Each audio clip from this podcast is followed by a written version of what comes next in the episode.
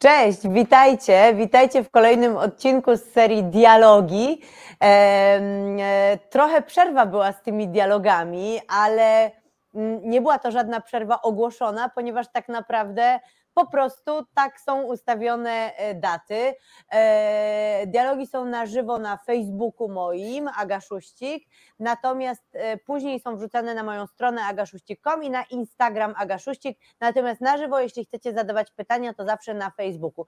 Dzisiaj arcyciekawy i niezwykle ważny temat, wydaje mi się, że dotyczący każdej, każdego z nas, natomiast tego nie jestem tak do końca pewna i właśnie między innymi dlatego, że wielu rzeczy tu nie jestem pewna, a temat to lęki, strachy, niepokoje, no to nie jestem tutaj sama, tylko z ekspertką.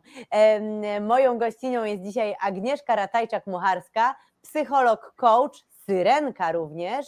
Agnieszka prowadzi szkolenia, warsztaty rozwojowe, treningi, jest trenerem Odysei Umysłu i jak sama mówi, tutaj pozwolę sobie zacytować, Podobno kompetencje psychologiczne znajdują zastosowanie w 4000 zawodów. Ukończyłam psychologię, a zatem mogłabym zarabiać na życie na 4000 różnych sposobów.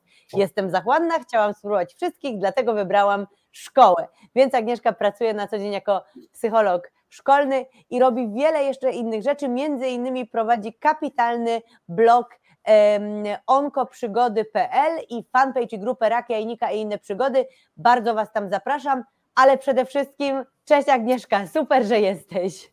Cześć, witam Was bardzo serdecznie. Dobry wieczór właściwie. Mój tak, pies tak, dobry wieczór, będzie kto nas później jak będzie e, oglądał. Właśnie tutaj mamy psie dźwięki, ponieważ ja tutaj wariuję, bo mój pies strasznie piszczy, a twój szczeka, więc mamy tak. całą orkiestrę, idealnie.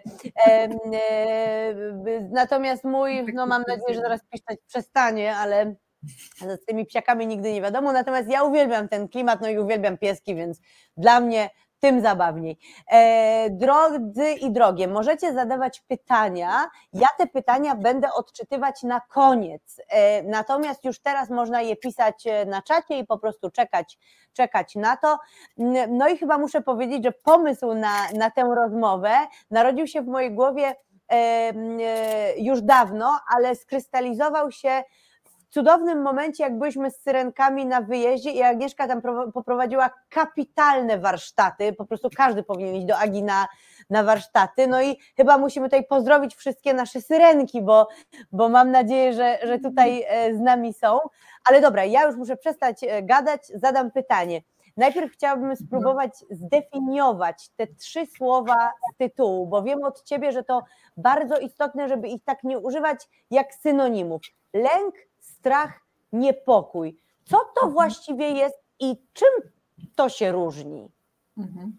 Znaczy myślę, że tak, używać sobie możemy jak chcemy, nikt nam nie zabroni, więc e, tutaj wolna amerykanka i też się nie stresujmy, że ojej, ojej, użyłam coś nie tak, absolutnie nic się nie dzieje, robimy to przez cały czas. Ja też czasem ich używam zamiennie, e, ale dobrze wiedzieć, czym się różnią, bo, e, bo trochę, się, trochę od tego zależy, jak będziemy z nimi postępować, czyli ze sobą, bo jakby mówimy to w kontekście tego, że my odczuwamy te, e, te, różne, e, te różne emocje.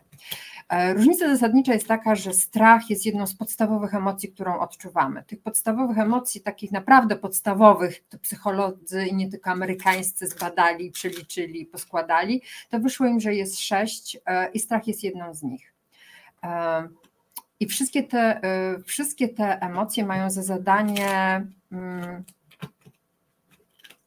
są takim, takimi lampkami kontrolnymi, tak? Jak wsiadamy do samochodu i nam się odpala i ojej, ojej, lampa ladyna mi się zaświeciła, tak? Dzwonię do faceta i mówię, ej, coś mi się tu świeci, nie? A on mówi, olej, bo on akurat jest lepszy w tych lampkach, e, w tych, w tych wszystkich kontrolkach, a my sobie generalnie, nie tylko my kobiety, tylko w ogóle ludzie sobie trochę słabo radzimy z tymi kontrolkami, które nam zapala nasz mózg. A emocje są po to, żeby nas ostrzegać i żeby dawać nam sygnał, że coś jest nie halo, że coś jest nie tak. Nie? Strach jest po prostu ostrzeżeniem, że nasze bezpieczeństwo jest zagrożone i że trzeba wiać albo się bić ewentualnie. Ewentualnie uda, udawać y, trupa, co znamy y, z rybaczków, które biegną, biegną, potem nagle nie? I to też jest jakaś strategia na przetrwanie, tak zwane zamrożenie. E, więc jakby strach jest po to. Te inne emocje, za którymi często nie przepadamy, takimi jak smutek, jak e, obrzydzenie, jak zaskoczenie, e, złość też są sygnałami alarmowymi, że coś się dzieje E, coś się dzieje nie tak, więc one wszystkie są po coś i chociaż bywają dla nas trudne i trochę nam, mm, trochę nam utrudniają czasem życie i komplikują, to, to naprawdę zostały przez Matkę Naturę wymyślone po to, żeby, e, żeby nam było łatwiej paradoksalnie I, i, żebyśmy, e, i żebyśmy sobie lepiej radzili. Tylko po prostu musimy się nauczyć je odczytywać.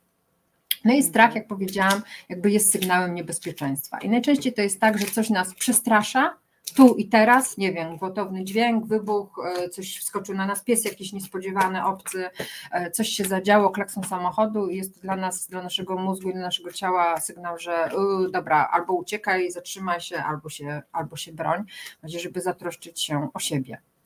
E, jeżeli ten strach. Czyli to jest wtedy, mm. jak nas coś, y, to jest wtedy, jak nas coś wystraszy po prostu. Tak, tak, tak, i to najczęściej jest taki, wiecie, bodziec, reakcja, już właściwie. Nie można trwać w strachu bardzo długo. Nie da się. Nasze ciało i mózg jest tak skonstruowany, że właściwie się nie da. Możecie y, powiedzieć, no dobra, ale są takie ekstremalne sytuacje, kiedy jesteśmy narażeni na strach bardzo długo. Nie wiem, no bardzo ekstremalne, typu ludzie w obozach koncentracyjnych, tak? Przez wiele miesięcy, a czasem lat byli w sytuacji ekstremalnego zagrożenia życia.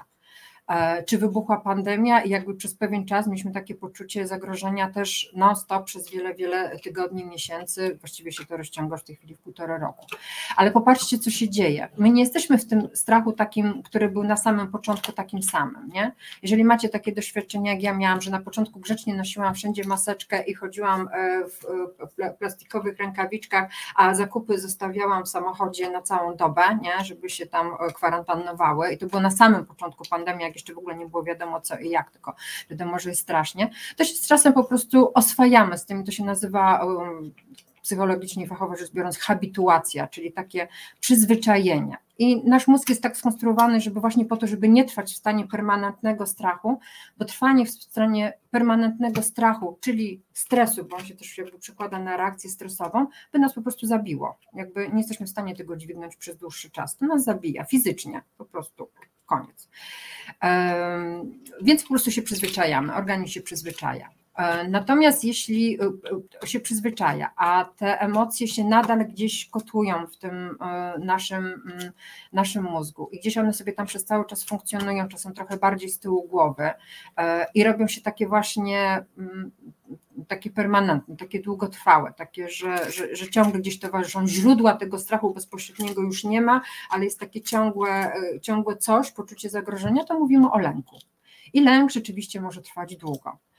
I lęk też może być dla nas wykańczający też w takim dosyć dosłownym sensie, bo jakby na dłuższą metę to, e, to rzeczywiście e, bardzo nas obciąża fizycznie i psychicznie.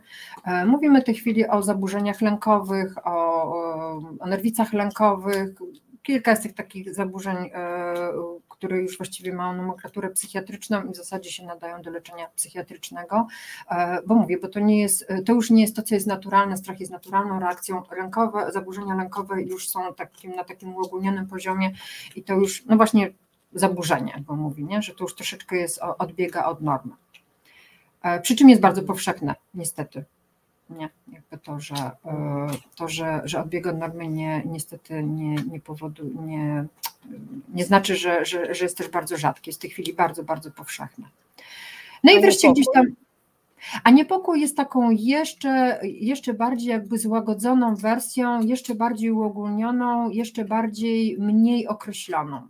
O ile strach ma bardzo konkretne źródło, lęk to źródło ma takie rozmyte i takie nie do końca jasne, to niepokój właściwie źródła w ogóle nie ma. Niepokój jest bardziej stanem organizmu, takim po prostu znowu bycia w pewnym napięciu, e, ale bez bardzo takiego konkretnego, e, konkretnego źródła. Zlokalizowanie tego źródła najczęściej pomaga, e, pomaga po prostu likwidować też poczucie niepokoju.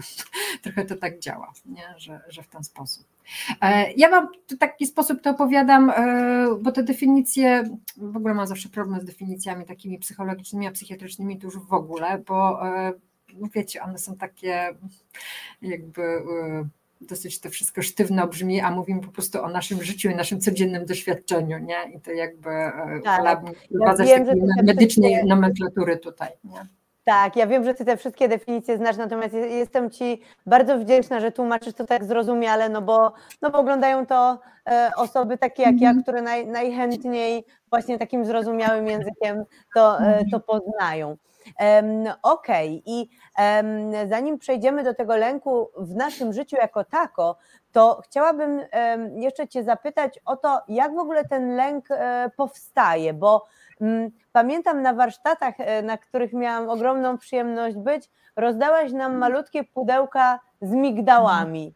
E, I te migdały były tam nie bez powodu. O co chodziło z migdałkami? Możesz powiedzieć? Takie pudełeczko. Tak. Ja sobie przywiozłam. Tak. Znaczy, bo generalnie historia e, lęku, Coś strachu. Tutaj tego... się zepsuło? Agusia, czy jesteś z nami? Jestem. Ja słyszę. Ale popatrzcie, w jakim. O. Jestem, słyszę. Ja Ciebie słyszę. A Ty mnie? Właśnie jakiś problem. O, teraz wróciłaś. Dobrze, to y, wiesz to w ogóle nie, mieliśmy odpowiedzi na Twoje pytanie. Coś się po prostu zacięło, więc jakbyś mogła powiedzieć jeszcze raz o pudełeczku i o migdałku, to byłoby super.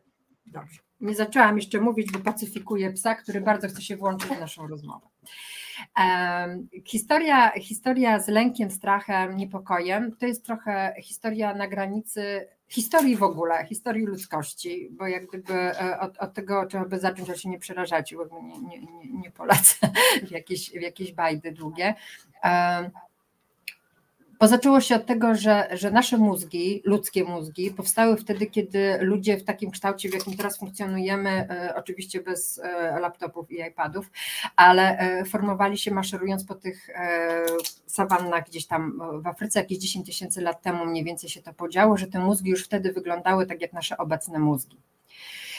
I te mózgi są przystosowane, jakby celem mózgu, wiecie, nie jest rozkmina filozofii kantowskiej nie? I, i nagrywanie live'ów, tylko on generalnie służy temu, żeby zapewnić nam przetrwanie i żeby nas uratować, bo zanim nas nakarmi i zadba o wszystkie różne milusie i pluszowe sprawy, które tak sobie cenimy, no to ważne jest, żebyśmy po prostu przetrwali. E, więc wykształcił różnego rodzaju mechanizmy, które powodują, mm, że no po prostu możemy o to bezpieczeństwo swoje własne zadbać.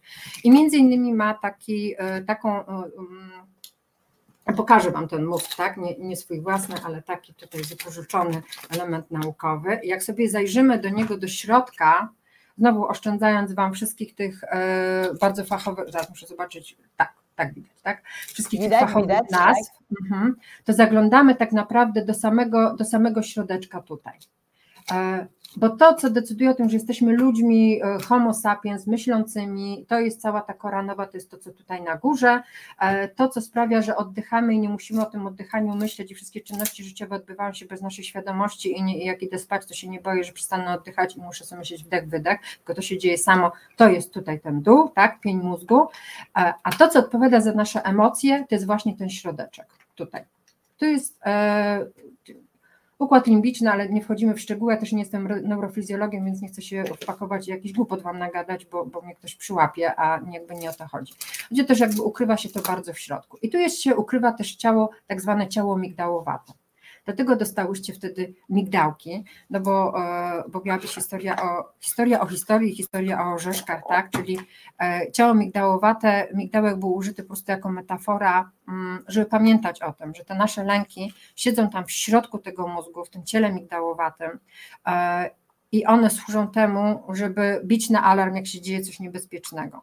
Problem jest taki, że czasem się gubią w tej obecnej rzeczywistości, bo powstały w czasach, kiedy była sawanna, kilkanaście innych czy kilkadziesiąt innych osób wokół nas e, i przestrzeń, tak? I jakby nie było tak dużo bodźców, których jest teraz. Więc ten nasz mózg po prostu czasem trochę głupieje od tych bodźców i zaczyna tworzyć swoje własne historie i bije na alarm czasem niepotrzebnie.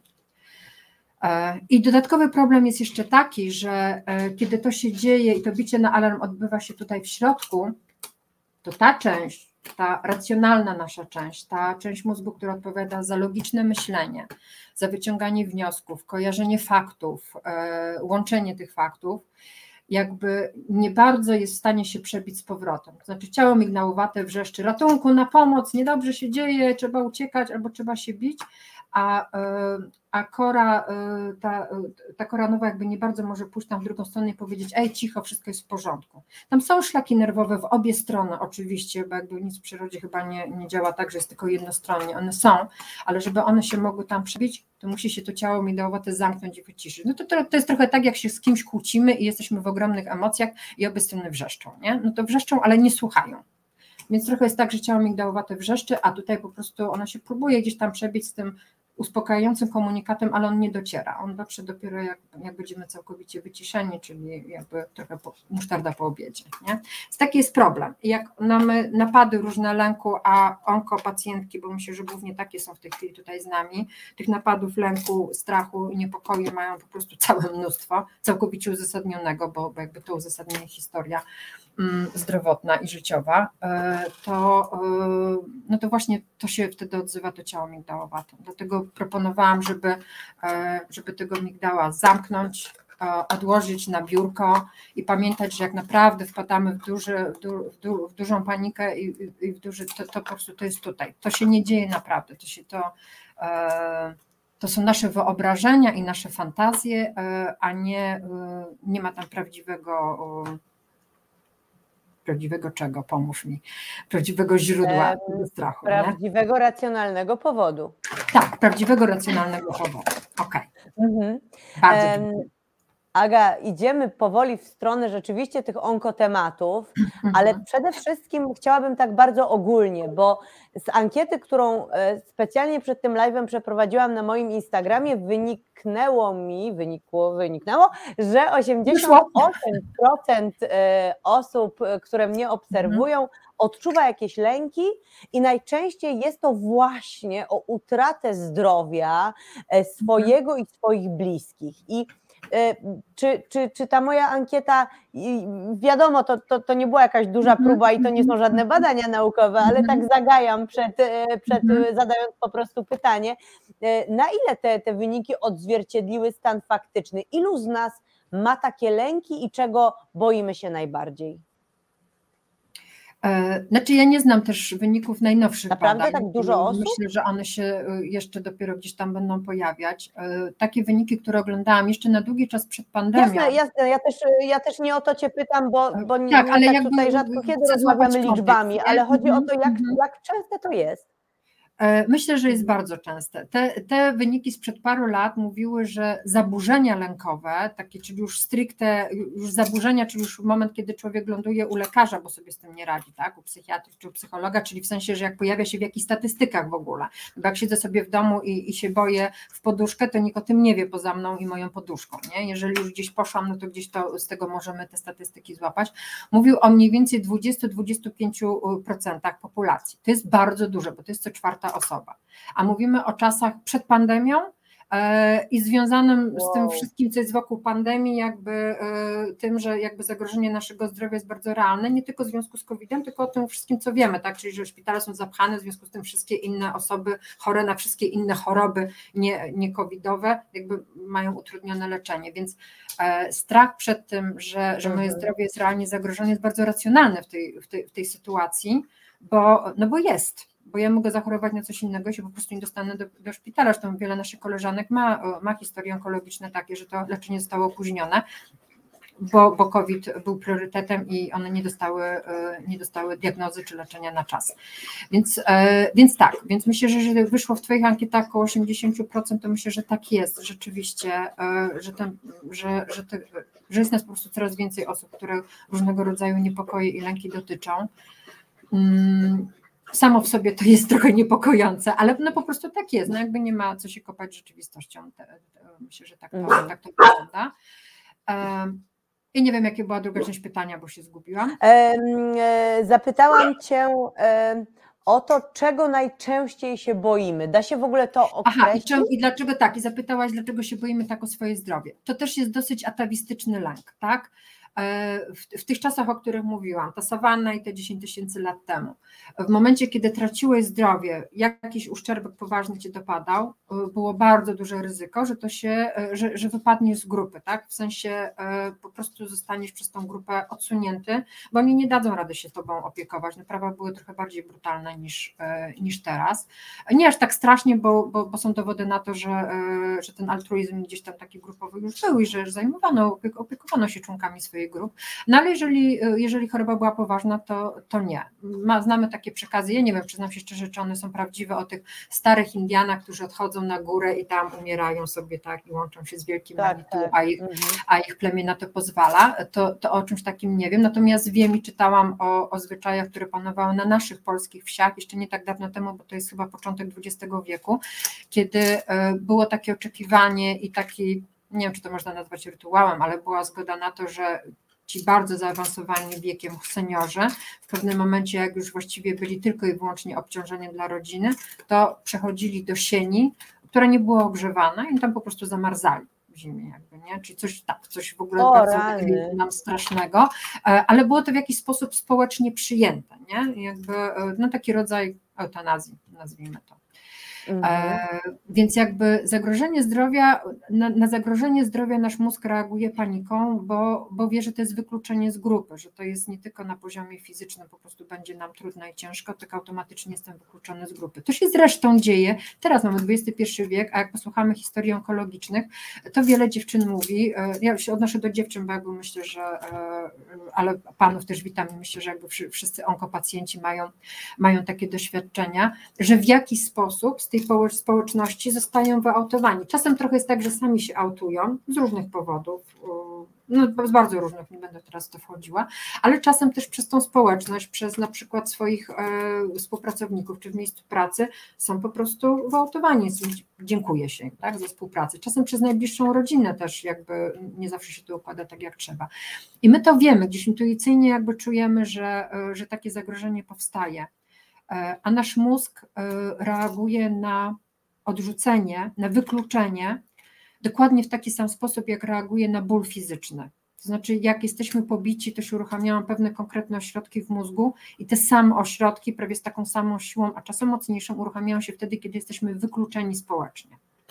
Dlatego przykład wśród nastolatków to jest tak bardzo duży problem, że jak ktoś jest wykluczony z grupy, to jest taki, taki prawdziwy dramat się, e, się odbywa. Tak? Nasz mózg reaguje na poziomie tej wspólnotowości sprzed 10 tysięcy lat. Wykluczenie oznacza śmierć, po prostu, nie? I, i jest po prostu panika. Dlatego tak, tak się Ora, odbywa. Psychologia, psychologia jest tak pasjonująca, to jest po prostu niesamowite. E, wiesz co, mam takie wrażenie, bo cały czas mówimy o, o, o, tych dziewczynach i w sumie nigdy nie pytałam o to syrenek, ale ja mam trochę takie mhm. doświadczenia, że, mm, e, że wielu moich bliskich uważa, że skoro przeszłam przez diagnozę, przez chemioterapię i takie rzeczy, to już się nie powinnam bać. To ten lęk już mhm. tak jakby nie powinien istnieć. To nawet nie chodzi o to, że bo co gorszego możecie spotkać, ale mhm. po prostu, że jakoś to tak uodparniamy się. A mhm. ja teraz uczęszczam na tę e, grupę wsparcia e, Fundacji Rock'n'Roll i Poraku i tam jest nas dużo i wszystkie, wszystkie czujemy ten lęk przed nawrotem. Zresztą doskonale wiesz, że my też często w naszej grupie rozmawiamy o tym, że mimo, że cieszymy się naprawdę zdrowiem, to myśli czasem galopują do tych trudnych czasów diagnozy i leczenia. Skąd mhm. jest taki lęk przed każdą kontrolą u osób z rakiem? Czy to jest to, co powiedziałeś, że to jest po prostu ten lęk o swoje zdrowie, czy to jest coś troszkę innego? Znaczy na pewno jest to lęk o swoje zdrowie yy, i o życie, bo jakby no też osoby, które już onkologicznie w jakiś sposób są doświadczone, to też wiedzą, że każdy nawrót choroby, no to no i jest właśnie ma problem, jak powiem, no brutalnie mówiąc, jest tak, że trochę zmniejsza nasze szanse, tak? Jakby przepraszam teraz wszystkie dziewczyny, które są na live i są w takiej sytuacji, bo to nie, nie jest fajnie coś takiego słyszeć, no ale trochę, trochę tak to funkcjonuje i my tak w głowach to mamy i wiemy, że w ten sposób jest, więc ta panika po prostu rośnie, bo jak się udało jak z pierwszym rzutem choroby sobie poradziłyśmy i jesteśmy w remisji, to jest takie jeszcze nadzieja, że a, to może będzie w ogóle zamknięta historia i już to mam za sobą, nie? Zamknęłam te drzwi. E, a, te się znowu otwierają. Więc jakby i wiemy, z czym się zmierzymy, bo już to leczenie przeszłyśmy, takie czy inne, więc wiemy, że znowu to nas czeka. Bardzo wiele osób e, po leczeniu onkologicznym, e, myślę, że ja nie wiem, czy są takie badania, nie znalazłam ich, ale już jakby na drodze różnych poszukiwań też wiem, że pewnych obszarów i sfer się po prostu jakoś nie bada w tej onkologii to jest też ciekawe, czego się nie bada, chyba myślę, że to jest nawet ciekawsze niż to, co się bada.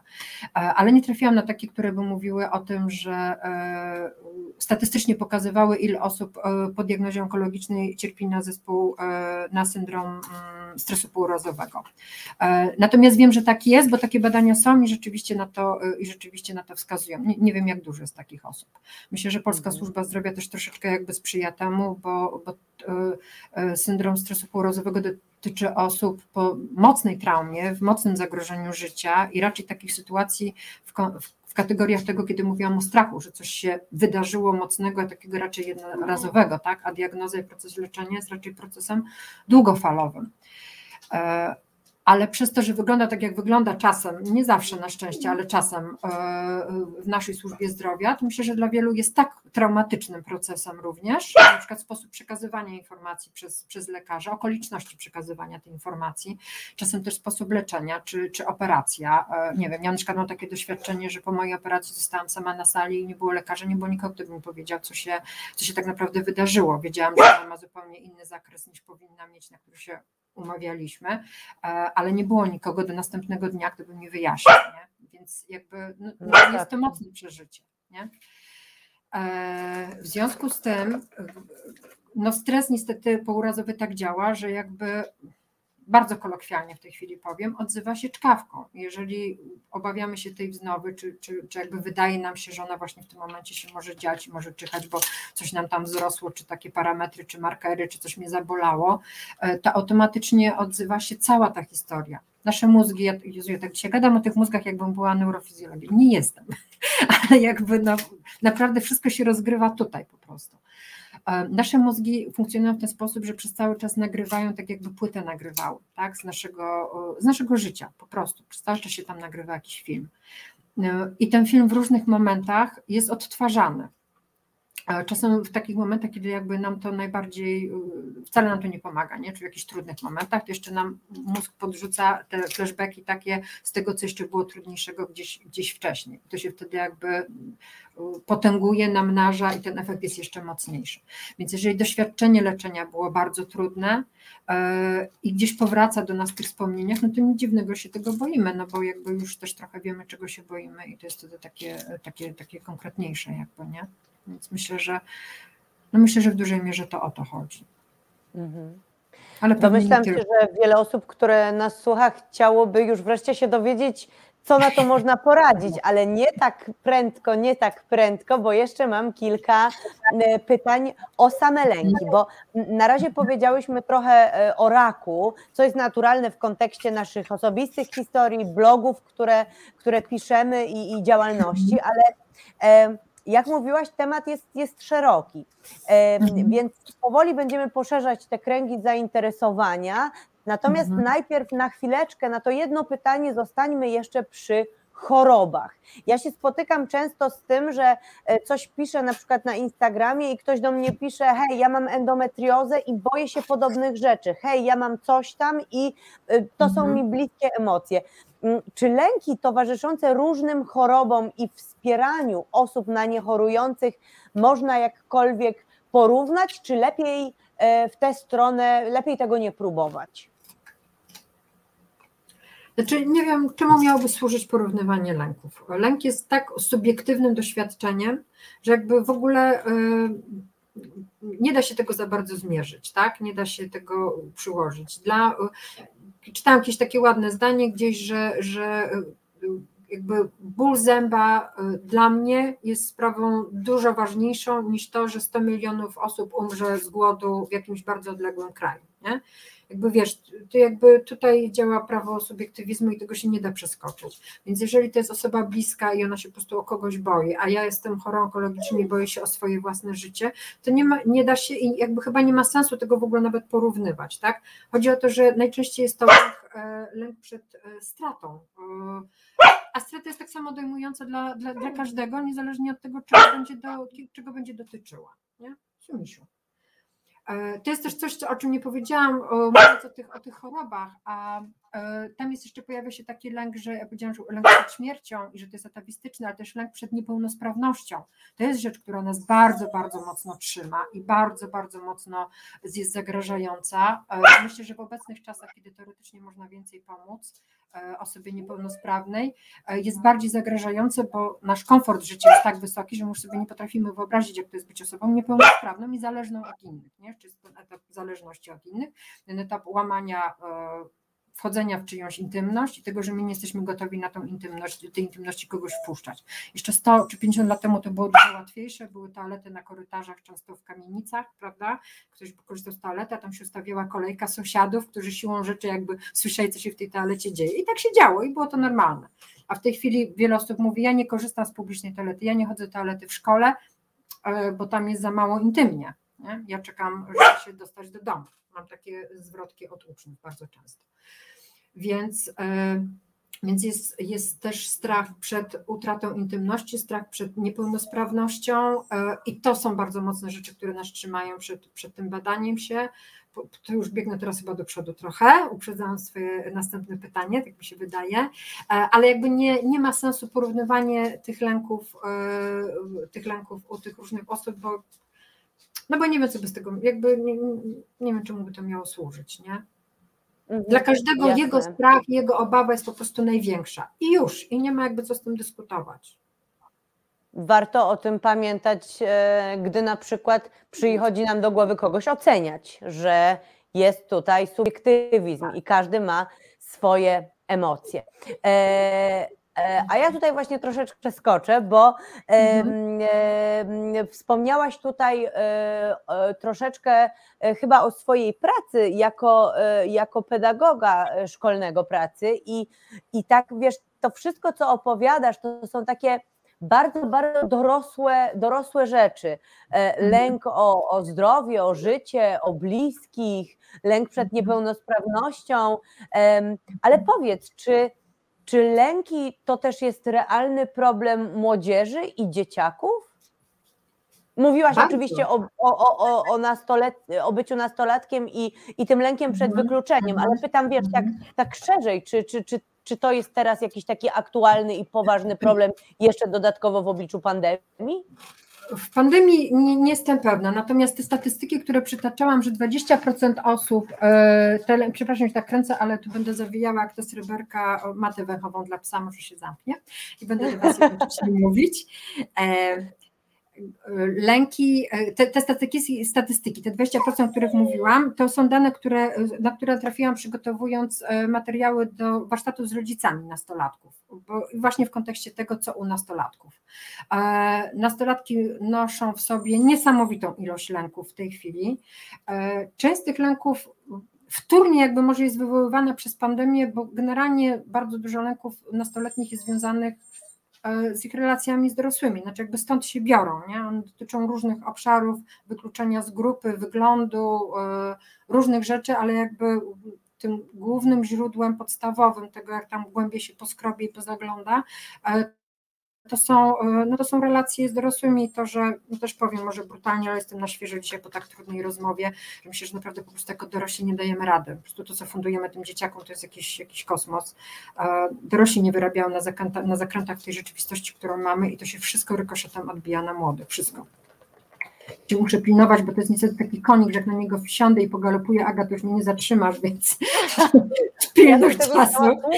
ale, e, ale, e, ale tak, ale dzieciaki mają strasznie, strasznie dużo, czy dzieciaki, no już tak mówiąc w skrócie, ja, ja pracuję ze starszą młodzieżą, mają bardzo, bardzo dużo tych lęków w sobie różnego, e, różnego kalibru i nie radzą sobie, bo nie potrafią pracować z własnymi emocjami, bo ich rodzice tego nie potrafią i nigdzie nas tego nie uczą. I szkoła, która ma przeładowany program w każdym e, przedmiocie świata. Nie ma nigdzie w tym programie obszaru, jakby, e, żeby się rzeczywiście emocjami, komunikacją e, zajmować. Nie? Jak jest, gdzieś tam się czasem pojawia, to bardzo po macoszemu jest wszystko traktowane. Więc tak, więc tak, tak, bardzo dużo tego mają. I, i, i będzie, mm, niestety powiem bardzo pesymistycznie, ale widzę, jaki jest trend i będzie coraz gorzej. będzie coraz trudniej w tym zakresie. Mhm. No to tutaj myślę, że warto zaapelować e, do oglądających nas osób, żeby poważnie podchodziły do emocji swoich dzieci, bo, bo to nie jest tak, że osoba, która nie ma na głowie pracy, kredytu i tak dalej, nie przeżywa swoich emocji bardzo mocno i nie może mieć problemów, które wymagają realnej pomocy.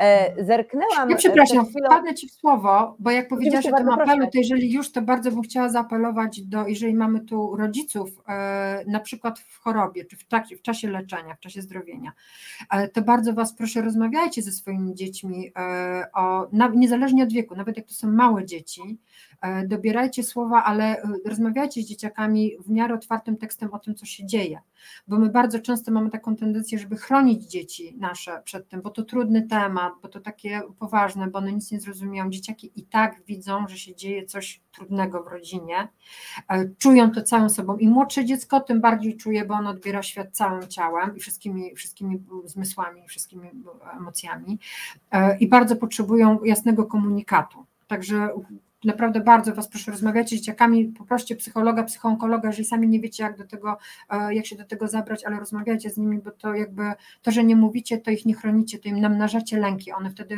mają bujną wyobraźnię i lecą po prostu swoim, po tej wyobraźni bardzo, bardzo daleko galopują. Dziękuję. Mhm. E, będziemy się powoli przesuwać do tych, e, do tych rozwiązań tych, tych problemów.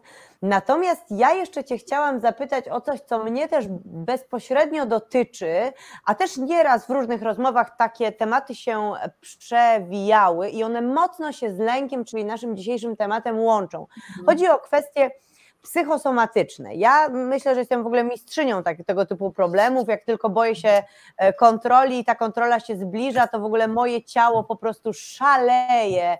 Mm, posiadam wszelkie możliwe e, objawy e, do tego stopnia, że mm, jestem w stanie mieć realnie powiększone węzły chłonne mhm. przy bardzo dobrych wynikach, gdy na przykład boję się przerzutów na węzły chłonne. Więc, więc mhm. to ciało jest absolutnie niesamowite. I chciałam Cię zapytać, bo mówimy cały czas y, o tym mózgu, no bo przecież tamten lęk no. w tym ciele migdałowatym, zapamiętałam, e, powstaje i tak to wygląda, mhm. ale lęk wpływa na całe ciało, nie tylko, nie tylko na nasz mózg, prawda? Tak. Jak to jest? Czy, czy tak. ciało też się boi? E, tak. E, choroby psychosomatyczne czy zaburzenia psychosomatyczne e, najpierw może wyjaśnimy, czym w ogóle są, tak? Mówimy o połączeniu o. dwóch słów, czyli psycho, psychika, to co tutaj w głowie, to co w umyśle, i soma, czyli ciało. I zaburzenia psychosomatyczne e, to takie zjawisko, kiedy e, kiedy nasz, znowu mózg, chyba najczęściej używane dzisiaj słowa w tym samym live, e, kiedy nasz mózg podsuwa nam różnego rodzaju, e, no właśnie, czy obawy, czy wyobrażenia, czy fantazje i one się przesuwają w stronę ciała, uzyskując e, realne, realny kształt, taki często namacalny, że tak powiem, a na pewno widoczny i odczuwalny. I kiedy się o tym mówi, to wiele osób mówi tak, no ale, e, no dobra, no ale to jak? To znaczy, że to jest wyobrażone, tak? Czyli to takie jakby, nie wiem, bóle fantomowe, albo że to tak jest po prostu, że ktoś sobie tak wymyślił, czyli tak naprawdę go nie boli, tylko myśli, że go boli. A z zaburzeniami psychosomatycznymi jest tak, że właśnie nie, że to nie jest tak, że on myśli, że go boli, tylko że go naprawdę boli, naprawdę ma powiększone węzły, tak jak ty, tak. E, na przykład ma prawdziwą wysypkę, e, albo ma na przykład prawdziwe wrzody żołądka, które po prostu można zbadać i zobaczyć e, gdzieś tam na, na nie wiem, gastroskopii, czy, czy jakie to badanie to sprawdza. Nie? I to, co się dzieje z tym ciałem, jest realne, jest prawdziwe, jest namacalne i na pewno jest odczuwalne przez, e, przez daną osobę. Natomiast źródłem nie jest na przykład źródłem bólu brzucha, nie jest coś, że coś jest nie tak z naszymi jelitami, bo, bo są zepsute, tylko jest stres, który powstaje przede wszystkim i na początku w naszej głowie, a potem się rozlewa po całym naszym ciele. Tak? E, więc e, więc bardzo często jest tak, że jeżeli te zaburzenia, bo one mogą być tak, może być jak ty masz, że po prostu są takim rzutem na taśmę tuż przed, nie wiem, na przykład kontrolą, tak, a potem jak rozumiem się trochę rozchodzą i, i, mhm. i znikają, a może być tak, że ktoś, kto jest w permanentnym stresie, długo je odczuwa, e, no to one się przeradzają rzeczywiście w konkretną chorobę już, tak, jeżeli na przykład mówimy o, dobrym klasycznym przykładem są wrzody żołądka. Wrzody żołądka są chorobą, która powstaje e, z powodu bakterii helicobacter. E, Helicobacter pylori, zdaje się, ona się nazywa. E, natomiast zabawa polega na tym, że większość z nas e, jest nosicielem tej bakterii i większość z nas ją w swoich żołądkach ma. Z jakiegoś powodu u niektórych osób ona się uaktywnia, powoduje nadżerki, które w efekcie przyczyniają się do wrzodów żołądka. Nie? Czyli jakby tak naprawdę ważny jest ten czynnik, który uruchamia nam tę bakterię, tak, znaczy uruchamia bakterię, no jakby powoduje, że nasz układ odpornościowy i nasze ciało nie jest w stanie sobie z nią poradzić i jakby e, poddaje się. Nie? I wrzody żołądka są już bardzo realną, konkretną chorobą. Tam jakby jak wejdzie ta kamerka, to pokaże Wam te ranki, które są e, w tej śluzówce i to trzeba w realny, konkretny sposób leczyć, tak? Dostaje się antybiotyki, jakieś tam leki osłonowe, różne rzeczy, dieta jest ważna i tak dalej. Ale jakby głównym podstawowym źródłem jest ten stres początkowy, który się przyczynił do osłabienia tej odporności. Zresztą z komórkami, z chorobami nowotworowymi, komórkami e, nowotworowymi jest bardzo podobnie, tak? Znaczy generalnie każdy człowiek ma komórki nowotworowe w organizmie. Z jakiego jakiegoś powodu u kogoś się one aktywizują, uaktywniają i się zamieniają w guzę czy w jakąś uogólnioną chorobę, a u innych nie. nie? Jakby tu jest pytanie, dlaczego się, dlaczego się tak dzieje. No stres jest mhm. jakby tropem, też tak można powiedzieć już bardzo dużym skrótem. Mhm. Bardzo się cieszę, że połączyłyśmy ten umysł i ciało w tej rozmowie, bo czuję, że to, że to było potrzebne. No i przechodzimy teraz do najważniejszej części naszej rozmowy. I tutaj w ogóle bardzo chętnie pozwolę Ci płynąć i płynąć. E, mianowicie, oto jest to pytanie, na które, na które wszyscy czekamy. Co mhm. w ogóle z tymi lękami możemy, możemy zrobić? Czy ten lęk można, można okiełznać? Jak, jak sobie z tym radzić? Jak sobie pomóc? Mhm, mhm. E, można zrobić dużo dla siebie. Mm, można go trochę okiełznać, mm, czasem nawet bardzo.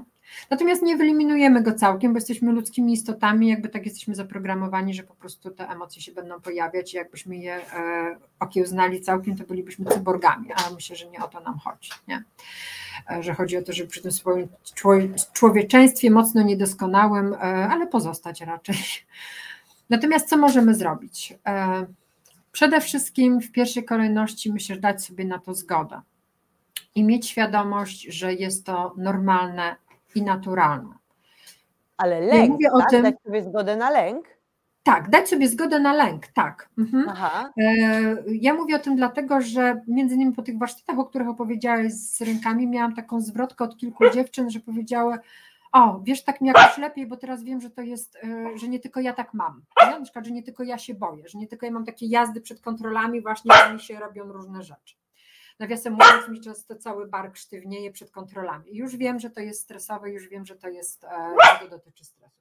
Sumisia, ale jesteś bardzo niegrzeczna. Co mam z tobą zrobić? Już mnie wszystko. Jest tak bardzo chcę wziąć udział. Tak ją nafutrowałam po prostu smaczkami, że eksploduje dzisiaj. E, tu masz jeszcze taki, zeżrzyj to, a potem będziemy spacerować trzy godziny. E, w każdym razie tak, żeby sobie dać na to zgodę, bo to jest kluczowe, że to jest nasze, e, że tak po prostu się dzieje, że tak jest skonstruowany nasz mózg i jakby nic strasznego się w związku z tym nie dzieje i że możemy z tym coś zrobić. I teraz, co z tym zrobimy i czy to poskutkuje, to trochę zależy od naszego nastawienia wobec tego. Bo to jest, e, z lękiem jest trochę tak jak z tymi zaburzeniami psychosomatycznymi, o których mówiłam chwil, przed chwilą. Bardzo wiele osób mówi, a, ta, ta, ta, takie tam opowiada, że jakieś dyrdymały, nie? Bzdety, w ogóle, nie, w ogóle, nie ma związku, nie? Albo słyszę, jak ktoś mówi tak, ale to naprawdę jest taki związek między stresem a, a tym bólem na przykład, ale to naprawdę tak jest. No tak jest. Jakby, no, jakby pierwszym krokiem jest to, że musicie uwierzyć i zaufać, że tak jest, że jakby powiązania. To nie jest tak, że mamy, wiecie, tu głowę, a tu jakąś po prostu blokadę, nie wiem, drzwi z marmuru i cała reszta jest na dole. To jest wszystko ze sobą powiązane. Układ nerwowy, który wychodzi tutaj z pnia mózgu, oplata siateczką całe nasze ciało, wszystkie organy, wszystko. Więc jak tu się za dużo kotuje, jak tu się robi nerwowo, jak tu tych neuroprzekaźniki szaleją, to one nie szaleją tylko i wyłącznie tu, one się rozchodzą po całym organizmie i zaczynają dźgać i bodźcować różne elementy. I najczęściej jest tak, że każdy z nas ma trochę, e, mówi się o słabych punktach, nie? Jakby słabe ogniwa takie, więc każdy będzie miał, ty powiedziałaś o tych węzłach chłonnych, każdy ma coś tam innego, ktoś się denerwuje, to go boli brzuch, ktoś się denerwuje, to ma biegunka, ktoś się denerwuje, to go zbiera na wymioty, bardzo różny sposób doświadczamy tych emocji z poziomu ciała i to będzie dosyć indywidualne, ale wszyscy tak mamy, że w jakiś sposób z poziomu ciała tego doświadczamy. Nie? Więc jeżeli tego, y, jeżeli w to uwierzycie, że tak jest, że tam są naprawdę zależności między tym, to też łatwiej Wam będzie ustalić, w jaki sposób można na to wpłynąć. E, także poprzez ciało, bo w sumie poprzez ciało jest trochę e, tak najłatwiej i najlogiczniej. Tylko też nie jesteśmy tego uczeni, więc nie mamy takiego automatyzmu, żeby to, to do tego sięgać. Najprostszym sposobem um, uspokojenia lęków poprzez ciało to jest kwestia oddechu.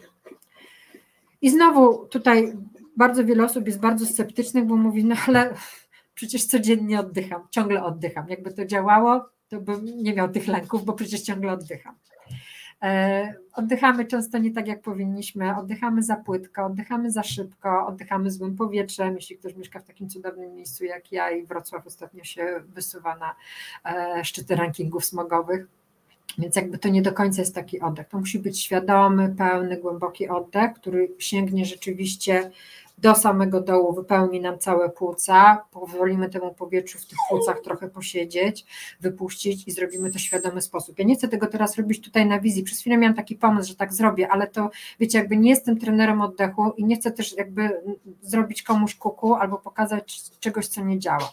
Możemy się umówić tak, Aga, że pod, e, pod tą transmisją ja potem wrzucę linki e, do, do takich źródeł, które polecam i które na przykład zawsze i wszędzie polecam Małgorzatę Mostowską, która prowadzi kanał e, My Yoga i jest joginką, ale tam są też e, medy- króciutkie, czasem 10-minutowe, 20-minutowe medytacje pozwalające opanować, popracować z oddechem. Ja się od niej tego uczyłam. Potem gdzieś w różny sposób na różnych zajęciach to udoskonalałam, ale pierwsze, pierwsze, pierwsze doświadczenia miałam od niej, a też jestem anty, jakby w ogóle nigdy wcześniej nie miałam kontaktu z jogą, z medytacją, w ogóle medytacja, gdzie, nie dla mnie, nie umiem tak długo wysiedzieć i w ogóle. Nauczyłam się tego, jakby jest to do wyuczenia. Byłam zmotywowana, bo zależało mi, żeby sobie poradzić ze swoim własnym lękiem i ten oddech naprawdę pomaga. E, przez nasze całe ciało... też mi pomaga. No, przez nasze całe ciało idzie tak zwany nerw błędny, który, e, który jakby należy do układu współczulnego, przyspółczulnego i pomaga nam się wyciszać. I, i oddech bardzo mocno ten nerw reguluje. I przy, jakby jeśli można powiedzieć, że przyspiesza wyciszanie, to trochę jest oksymoron chyba, bo wyciszanie samo w sobie powinno być spokojnym procesem, nie? ale e, oddychając e, w taki właśnie świadomy i pełny sposób e, uruchamiamy ten nerw błędny i dzięki temu jakby rzeczywiście no łatwiej, bardziej się wyciszamy. To nie jest tak, że ten lęk wtedy znika całkiem, e, ale odsuwamy się od stadium takiego panicznego, że po prostu, że zaczynamy łapać bezdechy, że serce nam bije, że, że jest nam bardzo niedobrze. Polecam tą strategię, zwłaszcza, e, zwłaszcza w sytuacji, kiedy te lęki nas nachodzą, wiecie, jest czwarta nad ranem, piąta nad ranem, budzimy się ciemno, cicho, e, nikogo wokoło nie ma albo wszyscy głęboko śpią i wtedy te lęki są najmocniejsze, dlatego, że kora nasza mózgowa, ta odpowiedzialna za racjonalne myślenie, ona śpi. Nie? O czwartej, piątej rano ona śpi. Tam mało, znaczy o piątej to już niektórzy was, z Was wstają, ale myślę, że ta czwarta to jest raczej taki moment, jak, że tutaj raczej śpi. I ona nie jest w stanie tego ciała migdałowatego stłumić e, racjonalnie, więc to jest szaleje na potęgę. I wtedy wszystkie najczarniejsze wizje nam się budzą. I oddech na to pomaga oddech nas wyciszy, może nam da, da, dać szansę e, zasnąć ponownie. Ja na przykład się tak nauczyłam, że zaczynam tak rytmicznie, systematycznie, głęboko oddychać, to właściwie od razu zasypiam. E, ma ten problem, że jak teraz próbuję coś ćwiczyć innego, to jakby nie umiem ćwiczyć, bo zasypiam. ale działa, naprawdę można się tego nauczyć, nie? Więc to jakby jedna z takich pod... najłatwiejszych rzeczy w sumie do zrobienia w domowym zaciszu, nie chodząc nigdzie i nie wydając pieniędzy i jakby naprawdę każdy jest w stanie to, to opanować. E, mhm. Druga rzecz też z poziomu ciała. E, dużo mówiliśmy o mózgu, ale jakby spróbujmy może z tej strony z poziomu ciała jest też tak, że im większa będzie nasza świadomość naszego własnego ciała i jego niedoskonałości, czyli na przykład tego, że wiemy, że mamy takie słabe ogniwa i że one się uruchamiają w sytuacjach stresowych, tym mniejszy będzie lęk. Nie? Jeżeli ty, Aga, wiesz, że masz tak, że się obawia, że będziesz miała powiększone węzły i one się powiększają, to za pierwszym razem podejrzewam, to była po prostu panika taka w ogóle totalna, ale następnym razem to już wiesz, aha, już to przerabiałam, już tak było. Nie? Ja jak mam takie, że mi tu wszystko drętwieje i puchnie i sztywnieje, to też za pierwszym razem myślałam, Jezu, mam przerzuty do piersi, węzły chłonu, dokładnie taki sam case, nie? Ale jak się zorientowałam potem, że mam tak drugi i trzeci raz i że to jest zawsze związane z terminem e, kontroli, to już teraz wiem, że tak jest. I teraz nawet jeżeli mi się tak robi, ale robi mi się już rzadziej i mniej, e, to nie panikuję, bo myślę, a dobra, ja tak mam po prostu, nie? Więc jakby ta wiedza nas uspokaja. E, jest tak, że jak przechodzimy operację, e, czy radykalną, czy jakąkolwiek inną, to niestety moje doświadczenie i bardzo wielu naszych koleżanek mówią, że mm, nie jesteśmy uprzedzani o konsekwencjach, e, jakie ciało ponosi w związku z tymi operacjami. Mówią nam, proszę przyjść na zdjęcie szwów za tyle i za tyle, e, proszę smarować bliznę tam czymś psikać i tyle jakby. Mało kto usłyszał w szpitalu od fizjoterapeuty, nawet jeśli ten fizjoterapeuta był i na przykład pro, pro, pomagał Wam się pionizować. Czekajcie, przepraszam. Sumisiu, co Ty jeszcze chcesz? Chodź tutaj.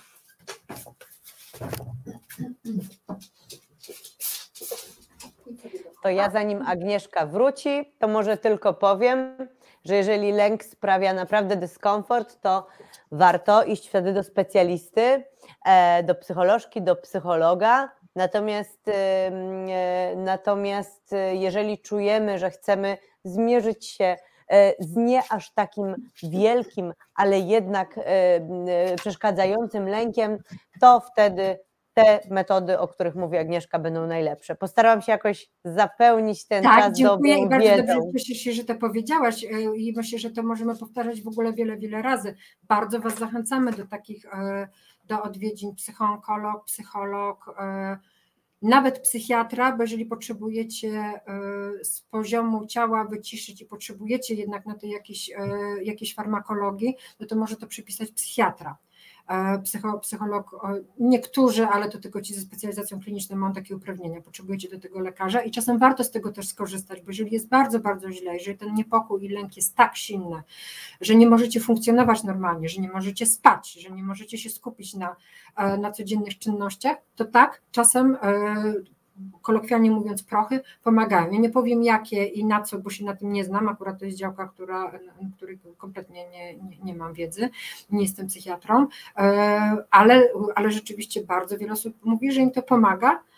Czasem jest problem, żeby dobrać te leki i czasem potrzebujemy e, jednego czy dwóch, żeby sprawdzić, czy paru tygodni, żeby poczekać, że one zadziałały tak jak należy, ale, e, ale, ale warto, warto to robić. Nie warto się tego bać, bo to nie jest tak, że zaczniecie brać leki to już po prostu do końca życia i że to już jesteście od tego uzależnioni i się coś podzieje. Nie, to często są interwencyjne działania na parę tygodni, na przykład dopóki te emocje są, e, póki te emocje są największe. Natomiast kończąc wątek jakby świadomości ciała i tego, co u nas. Bardzo mało kto usłyszał w szpitalu, że należy mobilizować bliznę. Mobilizować, czyli udać, oddać się w ręce dobrego fizjoterapeuty czy urofizjoterapeuty, urofizjoterapeutki, e, która Wam pomoże sobie radzić z tą, z tą blizną i sprawić, żeby ona była bardziej elastyczna i żeby nie robiły się wzrosty. Bardzo często efektem e, zabiegów medycznych różnego rodzaju, zwłaszcza tych operacyjnych, czy to będzie laparoskopia, czy to będzie laparotomia, czy cokolwiek innego, e, są wzrosty, które są w bardzo różnych i dziwnych miejscach i one często nie dają znaku życia na samym początku, tylko czasem po wielu miesiącach, a czasem nawet po latach od operacji. I my nie wiążemy wtedy bólu który się pojawia w naszej jamie brzusznej, czy, czy gdziekolwiek bądź e, z operacją, którą przeszłyśmy, tylko wpadamy w panikę, że to na pewno jest wznowa, przerzuty, że na pewno się tam coś dzieje niepokojącego. A jeśli chodzimy do takiego fizjoterapeuty, ja na przykład chodzę, staram się co miesiąc w tej chwili być, jestem rok po ponad rok po operacji i nadal chodzę. Myślałam, że to będą dwie, trzy wizyty i z głowy, ale robię, robię to dosyć regularnie.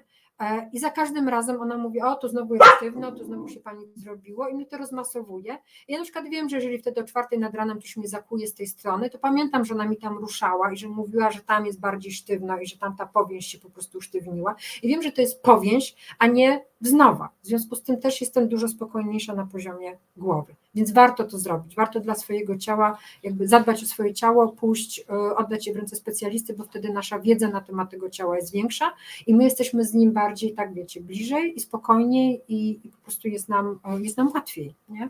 E, tego lęku jest mniej, bo wiemy, co się dzieje. Okej. Okay. Mhm.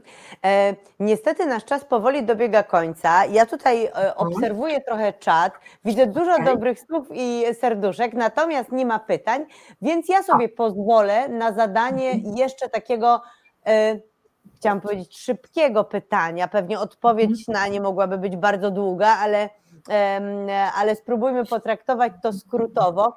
E, chciałam Cię zapytać w ogóle o lęk przed wizytą lekarską, nie tyle kontrolą onkologiczną, co mhm. e, w takim uogólnionym sensie, ponieważ e, moim chlebem powszednim są hasła typu wolę nie wiedzieć, nie pójdę do ginekologa, bo jeszcze coś mi wykryje, mhm. na coś trzeba umrzeć i tak dalej, to w mojej ocenie prawie zawsze wynika z lęku, natomiast mm, często nie potrafię pomóc e, osobom, które piszą do mnie, bo nie wiedzą jak rozmawiać z mamą czy babcią, która 20 rok unika wizyty ginekologicznej, bo się mhm. boi. Wiadomo, że to ona musi podjąć decyzję, ta mama, czy ta babcia, czy siostra, czy, czy, czy ktokolwiek. Mhm. Natomiast e, jak możemy w ogóle z takimi osobami rozmawiać? Czy czy powinniśmy jakoś starać się im pomóc, jakoś naciskać, czy, czy w mhm. ogóle nie o to chodzi? Bo myślę, że u mnie, wśród moich obserwujących, jest sporo osób, które, które są w takiej sytuacji. Mhm. E, znaczy, no tak, no, można powiedzieć, są dorosłe i powinny podjąć swoją decyzję, ale wiadomo, że to nie zawsze tak działa, że to są nam osoby bliskie, to zależy nam na tym, żeby, e, że, e, że, no zależy nam, żeby wymóc jakby te decyzje na nich, bo, bo, bo sami uważamy, że to jest dobre. E, ja myślę, że dużo tego, znaczy myślę, że ty tak naprawdę wiesz więcej na temat tych lęków przed wizytami niż ja w tej chwili, bo po prostu myślę, że, że masz kontakt z dużą ilością osób, które jakby werbalizują ten lęk w sposób bardzo, bardzo jasny. E, ja mam tyle co swoich własnych doświadczeń i z najbliższych koleżanek, jeśli chodzi o te konkretne, o te konkretne wizyty.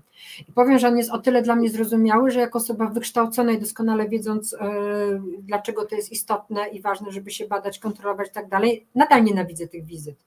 Yy, I nadal są one dla mnie związane ze stresem. Yy, i to jest stres jakby dotyczący różnych, e, różnych, e, różnych poziomów, od tego najbardziej takiego intymnego, że trzeba, przepraszam, znowu kolokwialnie rozłożyć te nogi przed obcym, najczęściej mężczyzną, e, jednak, bo, bo bardzo wielu jest lekarzy mężczyzn i to już jest dużym dyskomfortem. I myślę, że to jest tak duży dyskomfort dla wielu kobiet, że samo, sam ten fakt jest blokujący.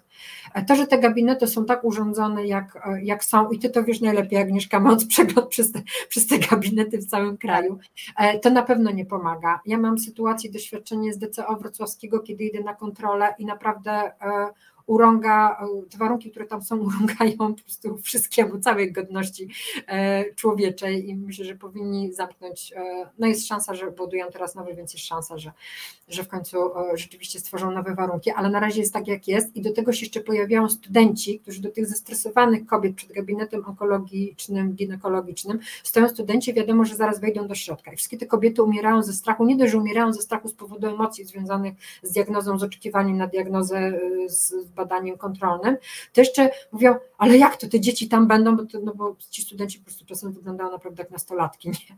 więc jest to, jest to e, mocno stresujące i to wszystko na pewno nie pomaga, nie? E, ale nasze lęki, tak jak powiedziałam, no, nie, nie powiedziałam w sumie chyba tego, e, że lęk i, i strach często jest związany z tym, że my nie wiemy, że nie wiemy, że nie mamy wiedzy. I że w dużej mierze daje się go opanować i trochę tak jakoś właśnie oswoić, przez to, że ta wiedza będzie większa. To jest tak jak z, z, z rakiem. Nie zapytałaś chyba tutaj na wizję, ale gdzieś pojawiło się w rozmowach naszych, czemu się boimy raka. No bo najczęściej jest tak, że mamy w głowie krótki szablon, nie? Rak równa się śmierć, rak równa się wyrok. Jak już jesteś w leczeniu, to już wiesz, bo już z tych wszystkich stron, blogów i tak dalej, to już wiesz, bo się w kółko powtarza, rak to nie wyrok. Ale to wiesz, jak już jesteś jakby w tym procesie od jakiegoś czasu. A jak dostajesz diagnozę, to najczęściej masz w głowie po prostu wyświetlony schemat amerykańskiego filmu. Pierwsza scena diagnoza, druga scena szpitalne łóżko, trzecia scena cmentarz. Koniec historii, nie? Więc jest to pierwsza rzecz, która się wyświetla. Więc tak bardzo się tego raka boimy, e, bo narracja pod tytułem rak to w większości choroba przywlekła, nie? bo raka się leczy. To jest narracja, którą my znamy często po wielu dopiero miesiącach doświadczeń onkologicznych różnego rodzaju, a ludzie tego, tego nie wiedzą. I teraz pójście do gabinetu ginekologicznego to jest znowu niewiedza. Nie? Jakby to, to, myślę, że w wielu przypadkach, zwłaszcza jak mówimy o mamach, o babciach, o starszych osobach, które być może były w tym gabinecie 20 lat temu albo i więcej i mają w ogóle jak najgorsze doświadczenia, no to jest też fajnie im powiedzieć, słuchaj, jak to będzie wyglądało, że teraz jest inaczej, a zapiszę cię do lekarza, który ma naprawdę dobre warunki, a dostaniesz taką spódniczkę, a będzie coś, tam jakby wprowadzenie krok po kroku, wyjaśnienie czegoś, y, jak to będzie wyglądało i zapytanie, czego tak naprawdę się boi, bo czasem chodzi o to, żeby się skonfrontować z tym lękiem, e, żeby go sobie zwizualizować, o co nam tak naprawdę chodzi, nie? czego on dotyczy, przed tym tak naprawdę jest. Mhm. E, to powinno trochę pomóc. To pewnie nie załatwi sprawy zawsze, ale powinno trochę, trochę pomóc. Czyli wiedza ma potencjał ocalenia nas. Tak, no, to, no tak, trochę tak. Ja głęboko mocno w to wierzę, tak, tak, głęboko mocno w to wierzę. Chciałam jeszcze mhm. tylko do, jedną rzecz e, domknąć, bo widzę, że już czas nam się totalnie kończy. Powiedziałaś o odwiedzaniu gabinetów e, od psychologu, o psychologu. Jak mówimy o radzeniu sobie z lękiem, zawsze i wszędzie polecam na okrągło do utraty tchu warsztaty simontonowskie. Słuchajcie, nie ma chyba lepszego narzędzia do, do poradzenia sobie z własnym lękiem. Te warsztaty najlepiej jak są stacjonarne, one najczęściej trwają wtedy 2-3 dni. Ja brałam udział w środku pandemii, e, siedząc w lesie, więc brałam udział online i też było super i bardzo, bardzo, bardzo mi pomogły. Jestem psychologiem, teoretycznie mam wiedzę, wiecie, mam taką grubaśną książkę o lęku, ogromną, ma chyba z tysiąc stron, jeszcze się nie przedarłam, ale to nie, jakby nie przeszkadzało temu, że ja sama się strasznie bałam i y, zwłaszcza pod koniec leczenia często ten lęk jest największy, paradoksalnie. Na samym początku, a potem jak już kończycie leczenie i on też jest naturalny dosyć i warsztaty simontonowskie naprawdę układają to w głowie. Naprawdę, y, więc warto to zrobić. Online'owo, stacjonarnie, w indywidualnej terapii też można pracować metodą Simontona i po prostu nic tak, mi osobiście i bardzo wielu moim koleżankom nic tak nie pomogło w radzeniu sobie z lękiem, e, jak warsztaty Simontonowskie. A strategia pięciu pytań zdrowego myślenia jest jakby uniwersalna całkowicie i każdemu pomaga. Ja tak pracuję w tej chwili z nastolatkami u siebie w szkole, które w ogóle onkologii nie mają nic wspólnego, a, a te pytania i tak się świetnie sprawdzają. Nie? Więc jakby do tego Was bardzo, bardzo mocno zachęcam naprawdę warto. Ja również zachęcam, bo i mnie te warsztaty odmieniły mm. życie naprawdę. Moim gościem była Agnieszka Ratajczak-Mocharska. Live zostanie zapisany, więc będzie można do niego wracać. Agnieszka, bardzo, bardzo dziękuję Ci za wizytę u mnie. Dziękuję. Dzięki wielkie i zapraszam na kolejne dialogi, bo już 29 będzie temat endometriozy z doktorem Piotrem Rubiszem, endomamą i endomagdą. Niezła ekipa dialogowa, a później w styczniu szykuje się, e, szykuje się odcinek o dietetyce onkologicznej oraz o leczeniu paliatywnym e, i moją, mm, a zresztą zobaczycie dopiero, obserwujcie mnie, to zobaczycie jakie to będą nazwiska i kto to będzie, obiecuję, że będzie ciekawie. Bardzo dziękuję i do zobaczenia następnym razem. Do zobaczenia. Pa, patki.